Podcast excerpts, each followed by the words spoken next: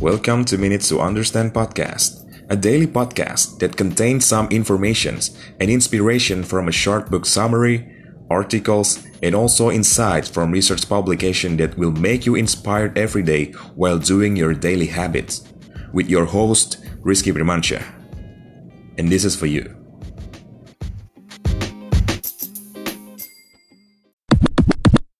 The Go Giver Teach a pattern for becoming a better person and seeing more success in business and work by focusing on being authentic and giving as much value as possible. He's a real go getter. How many times have you heard this phrase? This might inspire you to work hard to become a millionaire, but it's pretty misleading. It would seem that making it big in business this day requires snatching every opportunity. You've got to focus on your own growth to get ahead, right? Actually, that's not how it works.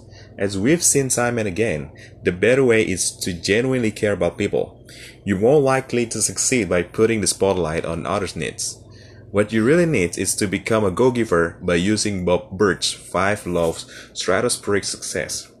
One is value, two is compensation, three influence, 4. Authenticity, and 5. Receptivity.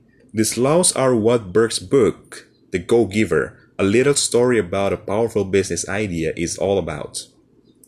After reading this, you'll see how to take advantage of the power of giving more to receive more. Here are three most inspiring lessons about focusing on others more than yourself. 1. Develop a go giver mentality to initiate your journey towards unimaginable success and enjoyment in what you do. 2. Product improvements have limits, but the power of improving customer experience is infinite. 3.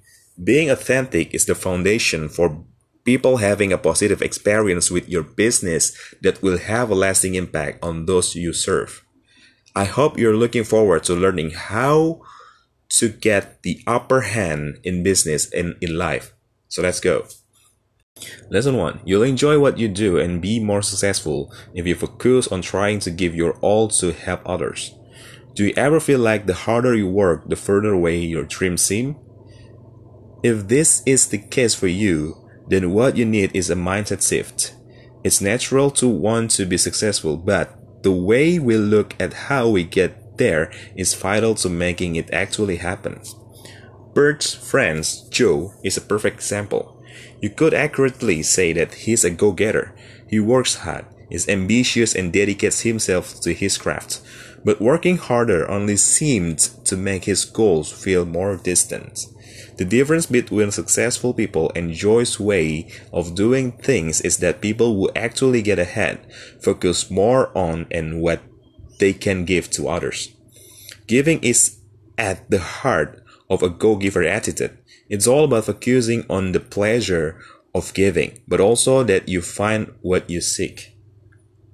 Right now, try to find all the blue objects in the room. Now, can you tell me where all the red items are? No, because because you were looking for blue. Life is the same way. If you're afraid that people will cheat you, they will. Worrying you'll run into conflict only brings it into your life. But the principles work for the positive things in life too. If you look for the good in others, you'll find it. And if you seek ways that you can do good to others, you'll see how. The shift in perspective will put you into the go giver mentality and help you become successful. Lesson 2 you can only make your product so good, but connecting with your customers has long lasting positive effects. Alright, so you know what focusing on giving is where it's at. But what are the details of how this works? This is where Burg's five laws of stratospheric success come in. The first of which is the law of value. The rule is all about helping your customers have an enjoyable and memorable experience with your work. A lot of people think that getting customers to return requires making their product perfect. Sometimes this works, but it's not possible for every business. A hot dog stand is a great illustration of this principle. You can only make your hot dog so much better than the next guy, right? That's why you need to take a great care of your customers by giving them a positive feeling if you want to really stand out.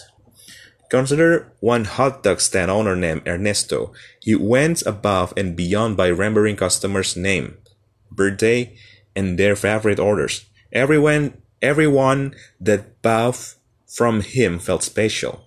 It paid off in a big way too. His business did so well that he eventually owned six restaurants. Giving and doing good others reaps the same rewards coming back to you. It's all small thing, but a customer's positive experience with you is extremely valuable to them. Lesson 3. People would rather do business with someone who is authentic than a person that just wants to sell them something. Do you remember the last time a salesperson accosted you said of their store? It's annoying to have to hear them drone about how their product is the best. If you want to succeed in business, you need to do the opposite of this and be yourself. The law of authenticity is another of Burg's rules of success. Think back to a time when a company representative was themselves instead of robotically going from their, their script and you know what I mean. To be genuine, you just need to view people as humans like yourself, rather than just another potential customer. Deborah Davenport's story is an example of how this works. When she began making a sale was difficult for her. She had all the right training and skills and knew about the houses she was selling, but none of that made any difference to her clients. This all changed once when Deborah decided to have a conversation with a customer about his day. This made the appointment much more relaxed and fun. And in the end, she, she sold the house. It wasn't long before her newfound ability to engage with clients as people brought her a lot of success. The moral of the story is when you talk with people, just be yourself.